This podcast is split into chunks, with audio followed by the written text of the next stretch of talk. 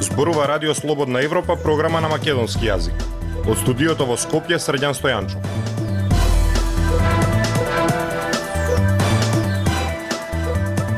Ја слушате емисијата на Радио Слободна Европа, почитувани. Во неа објавуваме Фирма на сопругата на премиерот на чекор до изградба на фотоволтаична централа. Случајни или намерни пропусти во бомбастичните судски предмети. Пресудите се поништуваат, делата застаруваат. Матурира генерацијата која почна со ковид, а завршува со лажни дојави за бомби. Слушајте не. Независни вести и анализи за иднината на Македонија. На Радио Слободна Европа и слободнаевропа.мк. Владата ја задолжи општина Радовиш да ја продаде државна парцела на фирмата во која една од собственичките е сопругата на премиерот Димитар Ковачевски. Парцелата е наменета за изградба на фотоволтаична централа. Владата не кажува по која цена ја продала парцелата, но според тарифникот цената е 70 денари за метар квадратен. Прилог на Зорана Гаджовска-Спасовска. Фирмата во која собственички удел има сопругата на премиерот Димитар Ковачевски ќе добие државно земјиште по цена од 70 денари за метар квадратен за изградба на планираната фотоволтаична централа.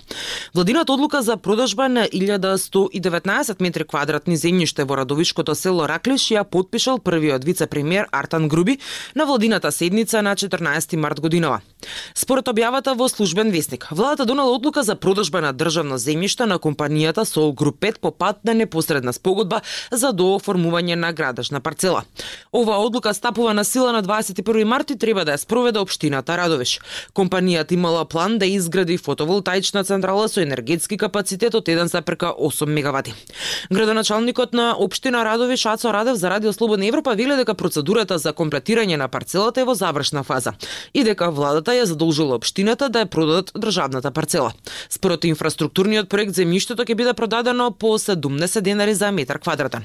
И тука завршува постапката кај нас, да. Сега тите документи после ова се препраќа тај јавниот правобранител кој што го штити државниот имот и доколку нема никакви пречки формално правни, ќе се склучи договор за продажба земјиште. Тоа е стандардна стапка како за сите, така и за Сол груп. Државната парцела од 1119 метри квадратни е дел од непосредна спогодба за дооформување на парцела, која според урбанистичкиот план изнесува 22.000 метри квадратни. Што значи дека за оваа парцела фирмата ќе треба да доплати уште 1273 евра. Со ова парче се комплетира служувалката со која фирмата Сол Group 5 ќе може да бара одобрение за градба на фотоволтаична централа. Според податоците од Централен регистар, еден од собствениците на оваа фирма е сопругата на премиерот Елена Ковачевска со удел од 1000 евра. Оваа компанија е основана во септември 2020 година. Во собственичката структура, освен името на сопругата на премиерот, ко собственик е синот на нивниот кум Кирил Паунов, кој е заведен како управител и сопругата на директорот на Катастар Светлана Тунџева. Ковачевски изјави дека неговата сопруга влегла во бизнисот со струја не само пред енергетската криза, туку уште пред тој да стане премиер. Тоа е незина инвестиција која има направена со своји собствени средства без моја помош. Зошто би имала помош од мене во таа работа? Изјави Ковачевски во декември минатата година. Во Централниот регистар фирмата е основана на 22 септември 2020 година, а Ковачевски на 23 септември истата година. Во собранието беше избран за функционер, заменик министер за финансии. Предлози Предлозите за заменик министри во собранието биле доставени уште во август 2020 година. Во бизнисот со продажба на електрична енергија неодамна влегоа и други роднини на функционери,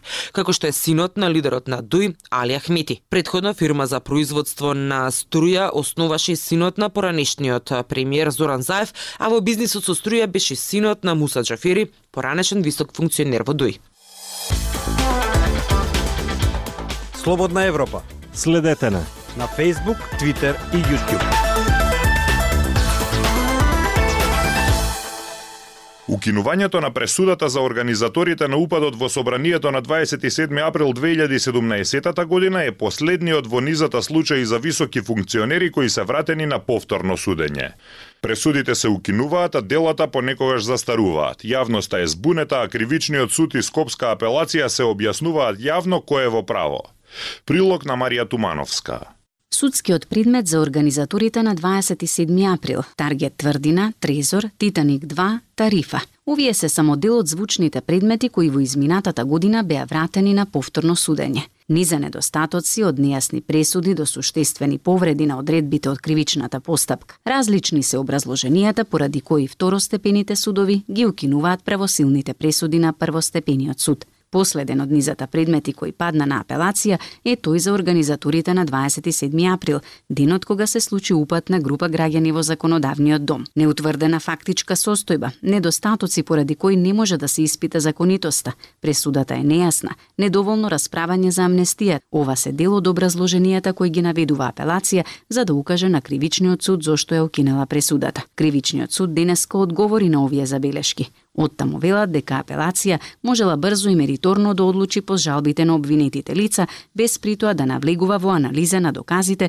и утврдување на фактичката состојба. Мора да се има во предвид дека со укинување на пресудата и неизино враќање на повторно постапување се прават дополнителни трошоци, одолговлекување и загрозување на правото за судење во разумен рок, кој е на штета на сите нас – апелационите суди, наместо административно да ги враќаат предметите на докомплетирање или на повторно постапување и повеќе од една година да не постапуваат по истите, имаат законска можност, но и обврска мериторно да одлучуваат со што ќе допринесат во неселективната борба со организираниот криминал и брза и ефикасна правда, што е заложба на целата држава и предуслов за европскиот напредок. Се вели во соопштението од Кривичниот суд. Апелација пак смета дека судовите не смеат да се лоцираат вина еден во друг, а дека на апелација е да дава нападствија кон првостепениот суд, а не обратно. Адвокатот Александар Тортевски пак објаснува дека с пропустите се всушност резултат на системска грешка во целиот процес. Тоа најчесто се провлекува од лошо обвинение. И првостепениот суд под притисок на јавноста заради тоа што бомбастичен е предметот. Сите очекуваат пресуда, ке помине преку тоа, ќе донесе осудителна пресуда со тоа што кога има многу такви работи, он калкулира со казната, што е погрешно. Укинувањето на пресудата за организаторите на 27 април доаѓа од како пред две недели ВМРО ДПМН до собранието поднесе предлог закон за амнестија за лицата осудени од 27 април. Нивниот предлог не помина во собрание. Тортевски вели дека искуството покажало оти политичките пазарења за лична корист или во име на државните приоритети не се непознати за македонското македонското правосудство. Значи суди кои ќе дојдат по апелација, се уценети, се пазарат со власта, оваа пресуда така, оваа укинеа, оваа потврдија, па ќе одиш во Врховен суд и има често и таква работа. Решението според него се измени на кривичниот законник, според кој кога ќе се забележи одреден пропуст, второстепениот суд ќе мора да ги исправи. Радио Слободна Европа, светот на Македонија. Генерацијата која го почна средното образование на почетокот на пандемијата на коронавирус годинава матурира. Пандемија, онлайн настава, маски, губење настава поради штрајк на наставниците и поради лажни дојави со бомби го обележа образованието на сегашните матуранти. Експертите сметаат дека дел од нив може да имаат потешкоти и во иднина поради специфичните услови во кои го поминале средното образование. Емилија Бунтеска Нацоска Оваа година матурира генерацијата на која уште во прва година и се случи пандемијата со COVID-19 и онлайн настава. Губеа часови поради штрајкот на просветните работници, а последната година од средното образование им поминува и со дојави за бомби. Од 4 години средно училиште не ги поминаа ниту половината во училишните клупи. Периодот на средна адолесценција кај оваа возрастна група може да биде стресана од различни страни, вели професорката по развој на психологија од Институтот за психологија Ана Фрицханд. Таа очекува кај некои од идните студенти студенти да има можни тешкоти и околу следните очекувања од себе си и професионалната ориентација, но потенцира дека не може и не треба да се генерализира. Јас очекувам дека се разбира нека и сите но кај еден добар дел тоа веројатно било поголем предизвик, да не речам дури можеби за некој го отежнало тоа барање на себе си, можеби ја пролонгирало таа криза на идентитет низ која сите адолесценти рече се поминуваат. Вели професорката. Пандемиските услови први им доаѓаат на ум на матурантите кога ќе се сетат на пречките во нивните средношколски денови. Одењето во училиште со нас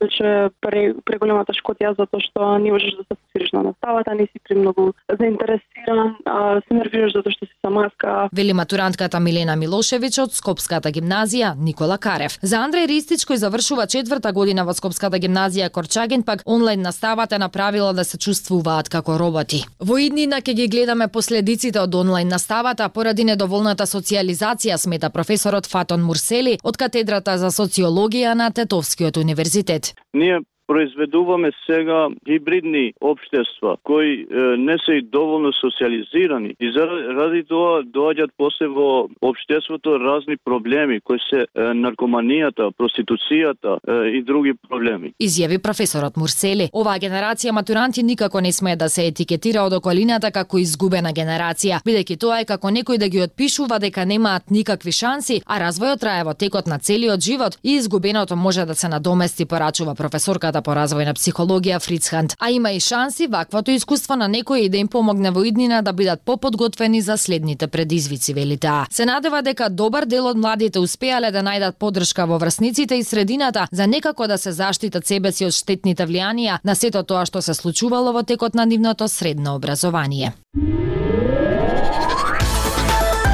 Актуелности свет на Радио Слободна Европа. Поранешниот американски председател Доналд Трамп се соочува со обвинение за тајни исплати на порно звезда. Но тоа не е единствениот случај против него. Тој се соочува со правни битки за изборна измама, нападот врз капитолот, задржување на класифицирани документи, а против него има и прекршочни и граѓански парници. Њујоршките обвинители минатиот четврток направија историски исчекор поднесувајќи обвинителен акт против Доналд Трамп, што е прв пат тоа да му се случи на поранешен американски председател.